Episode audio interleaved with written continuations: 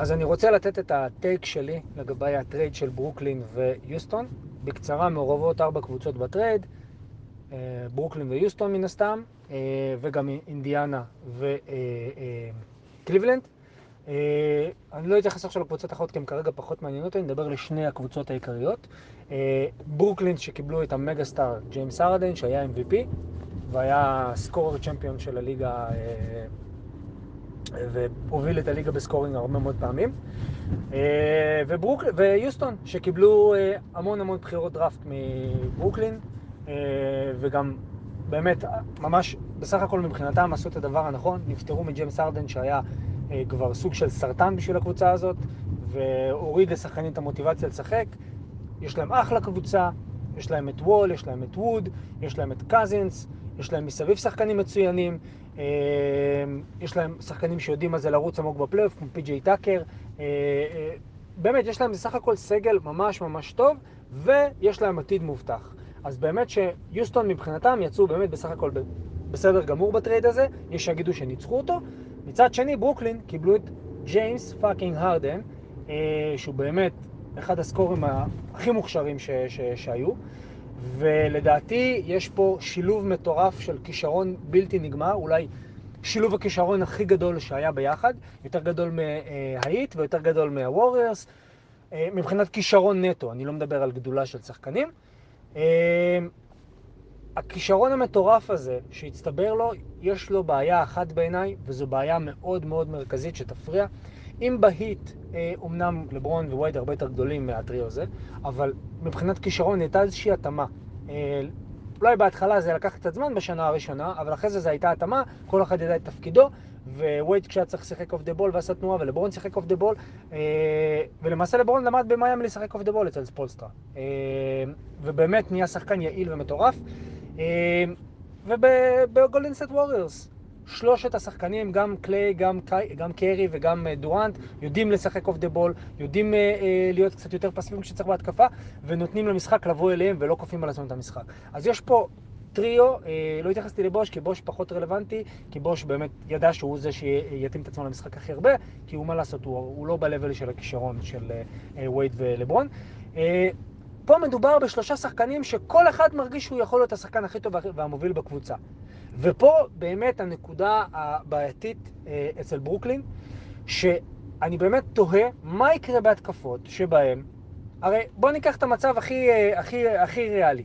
שלושתם עולים בחמישייה כי שלושתם חייבים לעלות. הרי אף אחד לא מדמיין לעצמו מצב שהארדן יושב בספסל, או קיירי או דורנט, אוקיי?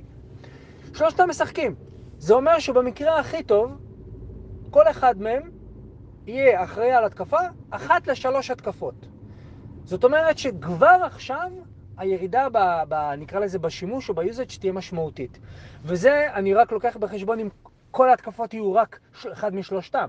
יש עוד שחקנים בקבוצה שיצטרכו לקבל נגיעות ויצטרכו לקבל ביטחון ויצטרכו לשחק, ולכן היוזג' שלהם, של כל אחד, ירד משמעותית. יכול מאוד להיות שגם כמות הזריקות. ואנחנו יודעים כבר שגם אה, אה, אה, גם הרדן וגם קיירי וגם, אה, אה, אה, שוב, דורנט קצת פחות, אבל שניהם בוודאות מאוד מאוד מושפעים מה, מירידה בכמות הזריקות. ולכן יש פה בעיה. יש פה שחקנים שצריכו לוותר המון על כמות הזריקות, יצטרכו לוותר המון על המשחק שלהם, ואני באמת מתקשה לראות את זה קורה. אני באמת מתקשה לראות את זה קורה לאור זה שאני מכיר את ארדן וקיירי עם הבעיות שלהם עם האישיות, תהיה פה בעיה. בעיה נוספת שאני רואה זה בעיה בסיום המשחקים. מי ייקח את הזריקה האחרונה? מי ייקח את המשחק על עצמו לסיים? שלושתם מדהימים באחד על אחד. שלושתם, אולי שלושת השחקני אחד, אחד על אחד הכי טובים בליגה, כאילו ממש top שלוש, דורנט, קיירי ואז ארדן. ושלושתם כאילו מסוגלים לסיים משחק. שלושתם הוכיחו שהם יכולים לקלוע קליעות גדולות, הרדן פחות. ובאמת יש פה תחושה שתהיה פה בעיה מאוד מאוד מאוד גדולה בסופי משחקים. אני לא מדבר בכלל על פלייאוף, מה יהיה כשזה יהיה בפלייאוף? מה יהיה כשהם יצטרכו לקחת זריק? כאילו, תהיה פה בעיה. ועוד בעיה, זה התקפית. אף אחד מהם, שוב, למעט דורנט אולי שיכול להסכים להיות off the ball, אף אחד מהם לא באמת יודע לשחק off the ball. לא קיירי ולא הרדן, שרגילים שהכדור אצלם ביד, והם מאוד ball dominant, ואנחנו מקבלים מצב שבו יש שני שחקנים שלא יודעים לשחק off the ball, דורנט יכול, אבל תהיה פה בעיה מאוד מאוד מאוד גדולה לקבוצה, לגרום לדבר הזה לעבוד. ומבחינתי, אה, מעבר לבעיות הגנתיות, מעבר לבעיות הכימיה, מעבר לדברים שיכולים להיות, זו הנקודה והבעיה העיקרית. שתהיה פה בעיה רצינית אה, בהתאמה של שיטות משחק, ואני חושב שלמרות שאם הדבר הזה מתחבר, אין ספק שמדובר פוטנציאלית בקבוצה הכי מוכשרת בהיסטוריה, על הנייר, אני לא חושב שזה יצליח לעבוד, אני חושב שיהיו הרבה בעיות, ואפילו אני אגדיל ואומר, יכול מאוד להיות שלא רק שיהיו בעיות, יכול להיות שזה אפילו יתפוצץ אה, באיזשהו שלב יותר מוקדם ממה שאנשים מדמיינים. שאולי פתאום קיירי אה, יחליט שהוא רוצה לעזוב, או הארדן, או דוראנט, ואני חושב שזה ייגמר בצורה דרמטית, לטוב לרע. או שזה, כמו שאומרים, או שזאת תהיה הצלחה מסחררת, או שזה יהיה כישלון חרוץ. אז אה, זה הרבה יותר שם מאשר שזה יהיה בסדר. אה, זו דעתי.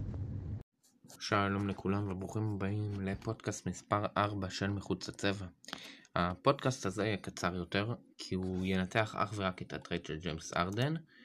הטרייד הזה היה באמת טרייד גדול, טרייד מרובע, אה, בו נכללו הקבוצות יוסטון רוקטס, ברוקלין נטס, אינדיאנה פייסרס וקליבלנד קוולירס. זה היה באמת טרייד ענק שהיו מעורבות בו המון המון בחירות דראפט, במיוחד מצד הרוקטס ומצד הברוקלין. אה, אז אני אנתח את הטרייד הזה בכך שיש את הקבוצה המנצחת ביותר והמפסידה ביותר ושתיים באמצע. אז אה, ככה, לדעתי הקבוצה שהכי ניצחה בטרייד הזה זו היוסטון רוקטס. על הנייר היא קיבלה שחקן מרכזי פה בטרייד, את ויקטור אולדיפו, במקום ג'יימס, ג'יימס ארדן, שזה זה ממש לא שם, כאילו מבחינת הרמה, ויקטור אולדיפו שחקן, למרות העונה הטובה שלו עד כה. הרבה פחות טוב מג'יימס ארדן, מבחינה התקפית הוא קולע 20 נקודות, ג'יימס ארדן קולע הרבה יותר. קולע 2.8 אה, שלשות למשחק, מתוך 7.7 ניסיונות, ארדן קולע גם הרבה יותר, מהשדה הוא אחוזים, בסך הכל פחות מהממוצע קריירה שלו עד כה העונה, ממוצע קריירה 44 אחוז או 42.1, גם לשתיים פחות מהממוצע קריירה, 48 ממוצע קריירה 47 אחוזים השנה, הוא בכל זאת שומר על הממוצעים שלו פחות או יותר. הוא אחלה שחקן, והם גם קיבלו את דנטה אקסום ורודינוס קרוקוס. שני שחקנים שיכולים להשלים להם את הסגל. אבל אם הם היו מקבלים את זה תמורת ארדן, לא הייתי אומר שהם uh, מנצחים. Uh, כי בנוסף לזה הם קיבלו את המשכון של העתיד של הנץ. פשוט כל כך הרבה בחירות. Uh, בלי לתת להם כלום בעצם. את הבחירת סיבוב ראשון של 2022, 2024 ו-2026, ואת הבחירת סיבוב ראשון של הבאקס ב-2022, שכנראה לא תהיה גבוהה. ופה כבר רוקטס גם נתנו 4 בחירות דראפט סיבוב ראשון ב-2021, 2023, 2025, 2027 והם יקבלו בתמורת הבחירות של ברוקלין. אה, ככה שהם קיבלו 7 בחירות אה, דראפט סיבוב ראשון ונתנו 4, בעצם קיבלו 8 כי גם את הבקס ונתנו 4 אה, זה אומר שבסיבוב הראשון יהיה להם הרבה הרבה שחקנים לבחור בשנים הקרובות ו... אני חושב שבהתחלה זה הרבה תלוי באיך ג'יימס ארדן ישתלב בברוקלין, וגם אה, מה יהיה עם יוסטון רוקטס השנה, כי על הנייר יש להם אחלה של רוסטר עכשיו. יש להם דמרקוס קזינס, ג'ון וול, אה, עכשיו גם אה, ויקטור אולדיפו, וקריסטיאן ווד שהוא השחקן המשתפר, וטייט שנראה לא רע, ואריק גורדון. בסך הכל יש להם אחלה רוסטר. אה, יהיה מאוד מאוד מעניין לראות את זה, את הבחירות שהם יקבלו. זה טרייד שיימשך ימשיכו לדבר עליו לעוד הרבה שנים. זה מאוד תלוי בכמה טובים יהיו ברוקלין או יוסטון, ולפי הבחירות דראפט שיהיו, כי גם הנטס עשו טרייד ב-2013 עם הסלטיקס, אה, ומסרו להם הרבה הרבה בחירות סיבוב ראשון, וקיבלו את קווין גארנט, פול פירס, ג'ייסון טרי, והסלטיקס הוציאו מהבחירות סיבוב ראשון של נטס את, את מרקוס סמארט, לא, את אה, טרי רוי את אה, ג'יילן בראון, ג'ייסון טייטום וקולין סקסטון, אם הם לא היו עושים את הטרייד עם אה, קליבלנד על קיירי, אז אה, מאוד מאוד יהיה מעניין מה יוסטון יקבלו מהבחירות של ברוקלין, וגם ההפך, בהחלפת בחירות. אבל איך שזה מסתמן, יוסטון גם ככה הם ב win-win situation, כי הם מתפטרים מהחוזה הענק של ארדן, מקבלים את ויקטור אולדיפו, שהוא עוד שנת חוזה, והרבה הרבה בחירות דראפט, וגם את רודיונס קורוקס ודנטה אקזום, ככה שמקבלים חוזה נגמר, יכולים להתחיל אה, לראות, אולי לעשות עליו עוד טרייד, אולי אה, לנסות להשאיר אותו יחד עם ג'ון וול, שגם לא יש חוזה ענק, כך שיהיה מאוד מאוד מעניין לראות, אבל הרוקטס באמת הם המנצחים הכי גדולים כאן על הנייר. אה, אז מקום שני לדעתי זה קליבלנד. כי הם נתנו בעצם את הבחירת דראפט סיבוב ראשון של מילווקי בקס ב-2022, בטרייד הזה ודנטה אקזום, ואת, וזהו פחות או יותר עד כמה שאני זוכר, והם קיבלו כל כך הרבה, כל כך הרבה יותר ממה שהם נתנו, הם קיבלו שני שחקני role players, את אה, ג'ארט אלן, שהוא אחלה סנטר, השנה לפחות, אה, למרות שהוא לפעמים עלה מהספסל, הוא קולע, ממשיך לקלוע בספרות כפולות, הוא ממשיך uh, במגמת העלייה שלו בבלוקים, הוא לוקח, אה, הוא מסיים דאבל דאבל ממוצע משחק, 11.2 נקודות ו-10.4 ריבאונדים, הוא שחקן עונשין לא רע, שלשות הוא לא זורק, ולשתיים הוא בסך הכל קולע טוב, הם, אה, וגם אה, טוריאן פרינס, בסופו של דבר הוא גם עלה מהספסל השנה, שחק 18.2 דקות בממוצע למשחק, קלע 8.1 נקודות, על, אה, גם קולע שלשות, 35.1 אחוזים לשלוש. מבחינת אחוזי שדה הוא לא משהו, גם לאחוזים לשתיים, אחוזים לשתיים הוא 45.9, ואחוזים שדה הוא 40 וחצי, אבל אה, בהחלט, קליבלנד יש להם גם קו אחורי של גרלנד וסקסטון, והם היו צריכים עוד גבוהים, חוץ מג'אוול מגי וקווין לאב שפציע לי דרמונד, וג'רד אלן זה, זה פשוט אחלה של גבוה, הוא יכול להשתלב טוב בקו הקדמי, יהיה מאוד מאוד מעניין גם לראות את קליבלנד, גם יש להם את לרי ננס, לרי ננס אה, ג'וניור, עכשיו גם בפורוורד הם מצטרף טאוריאן פרינס, והשחקן הפעיל היחידי שהם נתנו פה זה דנטה אקזום, כך שזה מאוד מאוד מרשים, אז אה, המקום הראשון של המנצחים הכי גדולים אלו אה, יוסטון רוקטס, לאחר מכן במקום השני המנצחים אלה קליבלנד קאבלירס, במקום השלישי אלה אה, פוטנציאל להיות מנצחים, אבל כרגע הם מפסידים, ואלו אינדיאנה פייסרס שהם קיבלו בחירת סיבוב שני, ואת קריס לברט. עכשיו, קריס לברט, אני בסך הכל אוהב את השחקן הזה. הוא פוטנציאלית יכל להיות כוכב שלישי בברוקלין נטס. הוא הוכיח את זה בשנתיים האחרונות, למרות ששנה שעברה הוא היה די פצוע. השנה הוא עלה בשני שליש מהמשחקים של אה, הברוקלין נטס מהספסל. שיחק 27.8 דקות ועשה דברים די טובים בזמן הזה. קלע 18 וחצי נקודות, מסר 6 אסיסטים, לקח 4.3 ריבאונדים, והוא בשיפור משנה שעברה, גם מהעונשין, למרות שהוא זורק פחות אז קצת קשה לדעת, גם לשתיים, והוא זורק את אותן זריקות שהוא זרק בשנה שעברה, והוא בעלייה קלה בזריקות שהוא זורק לעונשין, והוא גם באחוז אחד גבוה יותר משנה שעברה. שנה שעברה הוא קולע ב-42.5 אחוזים, שנה ב-43.5 אחוזים. שוב, הוא הוא בסך הכל יכול uh, להיכנס, אם אנחנו עושים uh, השוואה בינו לבין הולדיפו, אנחנו רואים נקודה וחצי הפרש במשחק, ההפרש ביניהם באסיסטים, קריס לברט מוסר יותר, בריבאונדים uh, הולדיפו לוקח יותר, וגם אם אנחנו מסתכלים על אחוזי כליאה, לברט עדיף מאחוזים מהשדה, גם מאחוזים לשתיים. גם, אה, לא, בעצם באחוזים לשלוש, לברט לא עדיף. אבל אה, אולדיפו גם משחק הרבה יותר דקות. ככה שיכול להיות שלוורט יבוא, יקבל את הדקות באינדיאנה פייסרס עם uh, קו קדמי צעיר ומעניין שמתפתח שם עם דומנטס סאבוניס ומיילס טרנר, גם יש את ארון הולידיי, עכשיו גם קריס לברט, את מלקום ברוגדון, יהיה מעניין לראות מה יהיה עם טי.ג'י וורן וג'רמי למפ שיחזרו מפציעות. טי.ג'י מקונול. אני חושב שקריס לברט יכול להיכנס לעמדה של אולדיפו, למרות שאולדיפו הוא שחקן עדיף מקריס לברט לפחות כרגע. והמפסידים הכי גדולים, גם שזה נשמע הזוי, אלו הברוקלין נטס. הם קיבלו את ג'יימס ארדן ואת הבחירות של יוסטון רוקטס, בין השנים 2021, 2023, 2025 ו-2027. עכשיו אני אסביר למה הם מפסידים. אה, אני לא אסביר, אה, כי, כי הם מקבלים נכס שחקן התקפי היסטורי. באמת, בין הטובים שהיו ב franchise הזה, הוא שחקן התקפי יוצא מן הכלל. הוא, הוא יכול לעשות כמעט הכל על המגרש. הוא קולע שלשות ברמה ההתקפית, וכשהוא רוצה הוא גם יכול לשמור, לשים גוף באונבול, אבל uh, אני חושב שהברוקלין נטס פשוט נתנו יותר מדי על uh, ג'יימס ארדן. לא יודע איך הוא יסתדר בדיוק שם, מבחינה התקפית אפשר לדעת, אבל מבחינה הגנתית הנטס עומדים להיות קטסטרופה, פשוט קטסטרופה.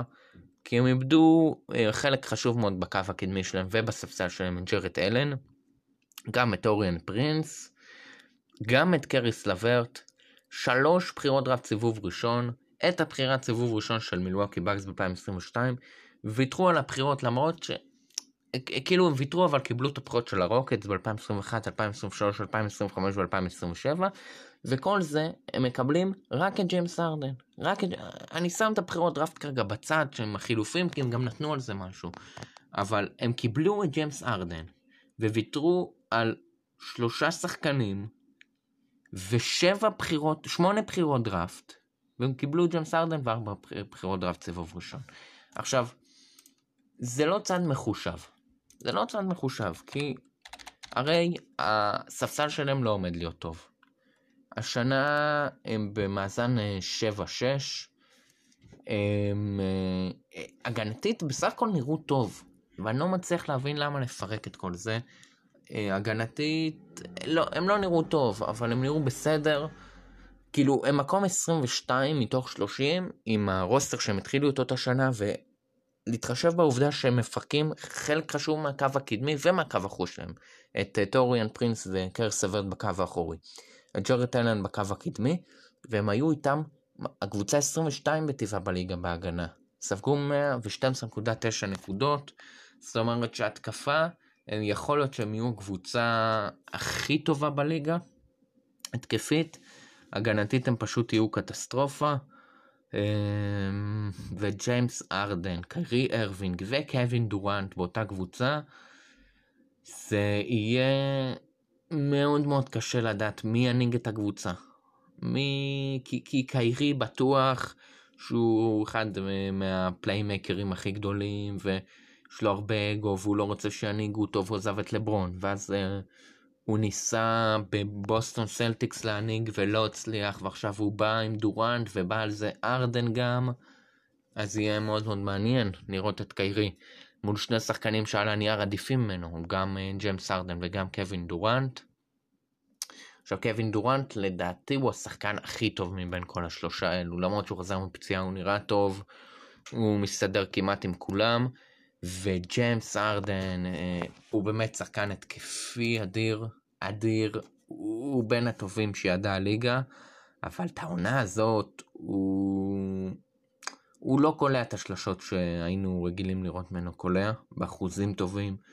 24.8 נקודות, פחות מהממוצע קריירה, והוא נתן באמת עונות גדולות. אה, קשה לקחת אינדיקציה ממה שהוא עשה ביוסטון עד כה העונה, אבל לתת כל כך הרבה, כשאתה לא יודע איך זה יסתדר עם קיירי ודורנט, זו טעות, טעות לדעתי שהברוקלין עשו, ויכול להיות ש- שאני טועה.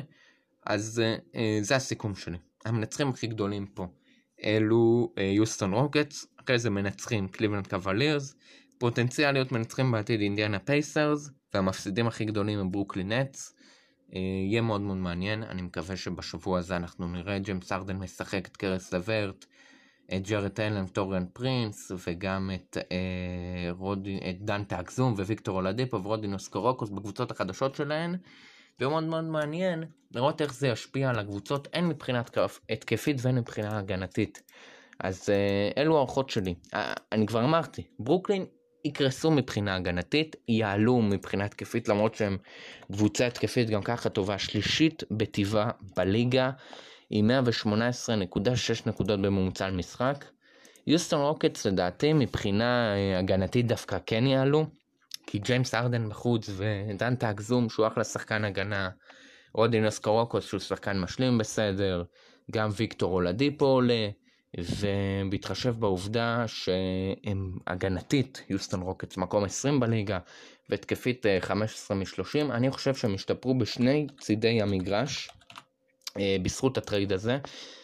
קליבלנד קאבלירס שבסך הכל הם בסדר העונה, הם הקבוצת הגנה הכי טובה בליגה, סופגים 103.9 נקודות בממוצע למשחק, אבל ההתקפית הכי גרועה בליגה, קולעים 99.5 נקודות, אני חושב שהתקפית אני לא יודע איך בדיוק זה משפר אותם, כי זה רק טוריאן פרינס וג'רד אלן, אבל אה, הגנתית אני חושב שהם יש, ישמרו את כוחם עד כה העונה, ואינדיאנה פייסרס הם לדעתי הם יהיו איפה שהם עכשיו פחות או יותר.